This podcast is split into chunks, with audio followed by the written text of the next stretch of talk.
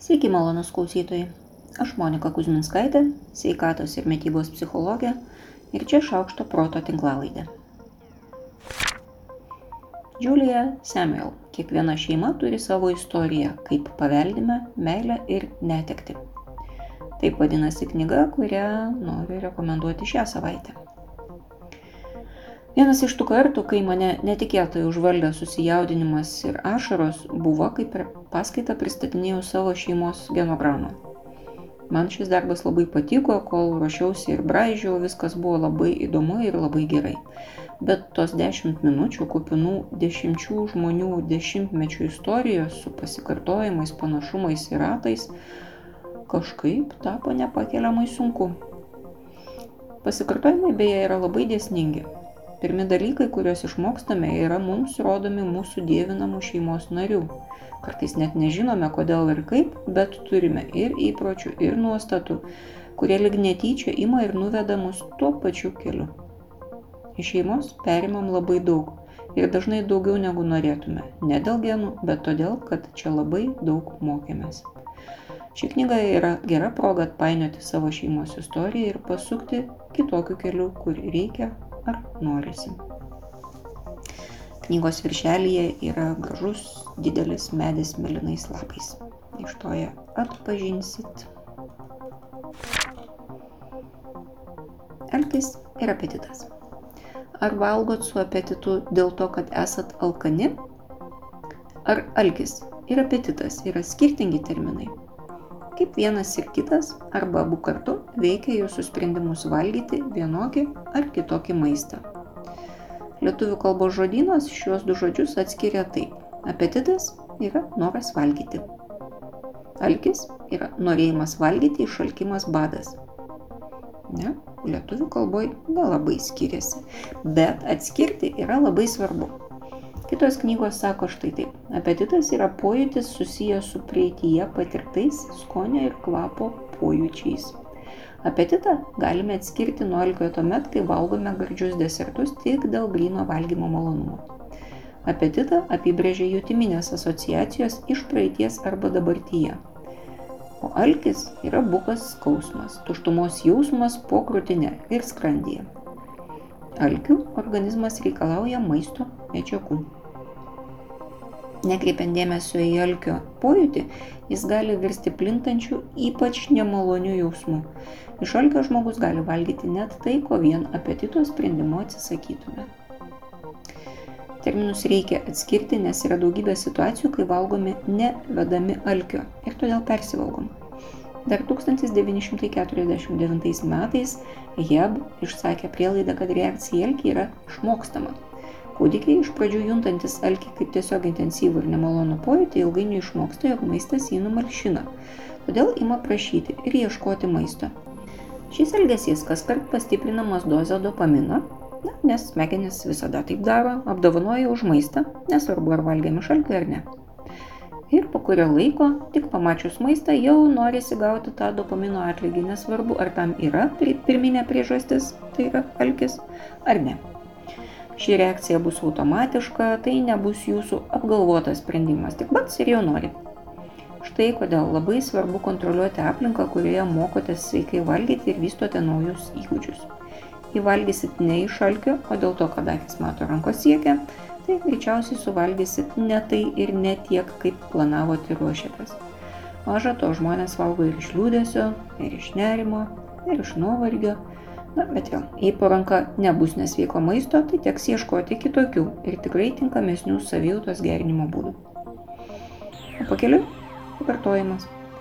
Kol mokotės susipažinti su alkiu iš naujo ir atpažinti jo pranešimus, e, tai yra vienintelius tikrus signalus apie tai, kad reikia valgyti, pasistengit, kad nei akim, nei rankom nebūtų pasiekiama tai, ko nesiuošiat valgyti. Ir kol ponas Alkis reguliuos maisto judėjimą jūsų lėkštės link, tegul ponas apetitas užsijima valgomo sveiko ir sąmoningai pasirinkto maisto malonumų vertinimu. Ar gerit vandenį valgydami? O jeigu taip, kodėl? Žinoma, jeigu maistas labai sausas, klausimų kaip ir nekyla. Bet man atrodo, kad kažkur gyvoja supratimas, kad taip yra sočiau ir kad taip galima suvalgyti mažiau, nes skrandis užpildomas ir kabutėse telpa mažiau maisto. Pat ir ne. Tyrime buvo pamatuota, kad užsigeriant vandeniu suvalgoma daugiau maisto. Na, spėjau iš dalies ir dėl to, kad skonio receptoriai atsigauna ir sekantis kasnis yra vėl truputį skanesnis, negu būtų buvęs be vandens. Be to, daugiau maisto suvalgoma visada, kai daugiau maisto yra lėkštėje. Apie šios du dalykus verta žinoti tiek siekiant suvalgyti mažiau, tiek siekiant suvalgyti daugiau. Vanduo šiaip jau yra fantastiškas gėrimas, troškulį visada reikia reaguoti. Tik be jokios abejonės reikėtų žinoti ir visus neteisingus įsitikinimus apie tai, kaip vanduo veikia alkį ir apetitą. Ir taisyti juos, jeigu jie jums nepadeda.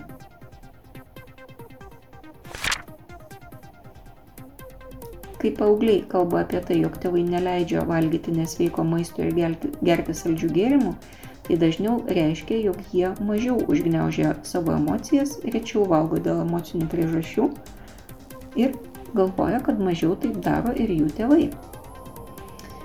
Bet kai tėvai kalba apie tai, kad neleidžia savo paaugliams vaikams valgyti nesveiko maisto ir gerti saldžių gėrimų, jau iš tėvų perspektyvos, kai žiūrim, tai jie kalba apie dažniau užgneuštas emocijas ir dažnesnį emocinį valgymą, visiškai priešingai. Viskas pasirodo vis tik ne taip paprasta, net lygiai tas pats reiškinys gali visiškai kitaip atsispindėti dviejų tos pačios situacijos dalyvių suvokime.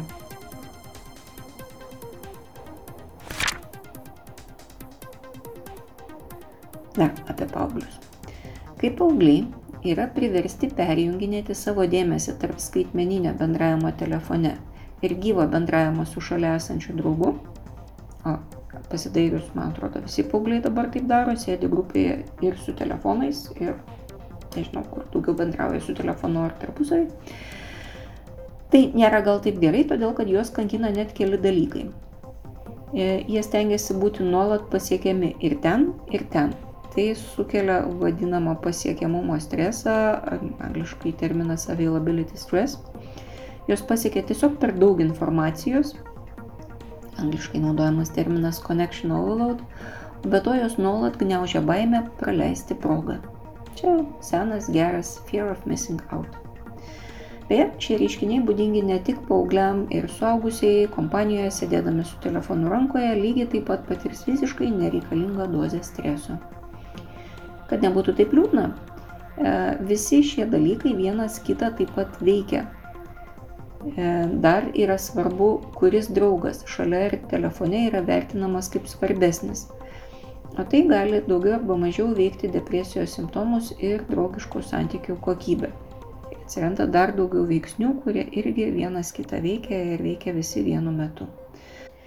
O man tai noris prisiminti tik tą vieną seną patarlę vienu užpakaliu ant dviejų arklių nepajosi. Žiūrit pro langą į saulę ir svajojat apie pasivaikščiojimą, o darbas kažkodėl pats nepasidaro? Sėdit strigę tarp nepadaryto darbo ir neišėjusio pasivaikščiojimo ir savo kartuot, kad negalit susikaupti? Na, pabandykim patikrinti, kas ir kaip čia neveikia. Penktadienio eksperimentas kuris gali būti naudingas žmonėm, kurie tiki, kad jų dėmesys kabutėse neveikia. Galimas klaidingas įsitikinimas, kuris palaiko tokį elgesį, gali skambėti taip - niekaip nepavyksta susikaupti. Eksperimentas yra toks. Jūsų darbas prie stalo, nukraustykit stalą. Nuimkite viską, ko jums nereikia tiesiogiai darbo atlikti. Nepradėkite tvarkytis, tai dar viena gera proga nesimti darbo, tiesiog laikinai viską nuimkite. Išjunkit foninę muziką, žinias ar filmą. Žinau, yra žmonių, kurie sako, kad jiems taip lengviau susikaupti. Ir jeigu jūsų smegenys yra ADHD tipo, greičiausiai tai tiesa. Tačiau tai tikrai reti atvejai ir greičiausiai tai ne apie jūs. Kol kas pabandykit išjungti. Išsirinkit tą vieną darbą, kurį dabar darysit. Minimizuokit visas atidarytas programas, jeigu jų tiesiogiai nereikia, tai ir išjungkit. Jeigu jūsų ekranas pakankamai didelis, Atsidarykit visus darbui tiesiogiai reikalingus langus viename ekrane, tam, kad nereikėtų ieškoti tarp visų atidarytų programų. Jeigu ekrane viskas netelpa, tada būtinai uždarykit viską, ko nereikia tiesiogiai darbui atlikti. Išjungit garsinės notifikacijas. Labai gerai veikia tiesiog nutildyti visą kompiuterį.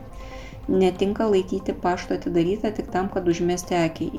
Nereikia. Jeigu, jum, jeigu jūs nedirbat tokioj pozicijoje, kur reikia reaguoti per sekundę, palauks laiškas, palauks 15 minučių. Nutarkit, kad nesikelsit nuo darbo nei vandens, nei tualetą, nei atsiliepti skambutį ir telefono garsą būtų gerai išjungti. Nustatykit laikmatį 15 minučių ir griebkitės to darbo, koks jis bebūtų. Skaityti, rašyti, piešti, bražyti, konstruoti, ieškoti, nesvarbu ką. Suskambėjus laikmačiui pažiūrėkit, kiek nuveikėt.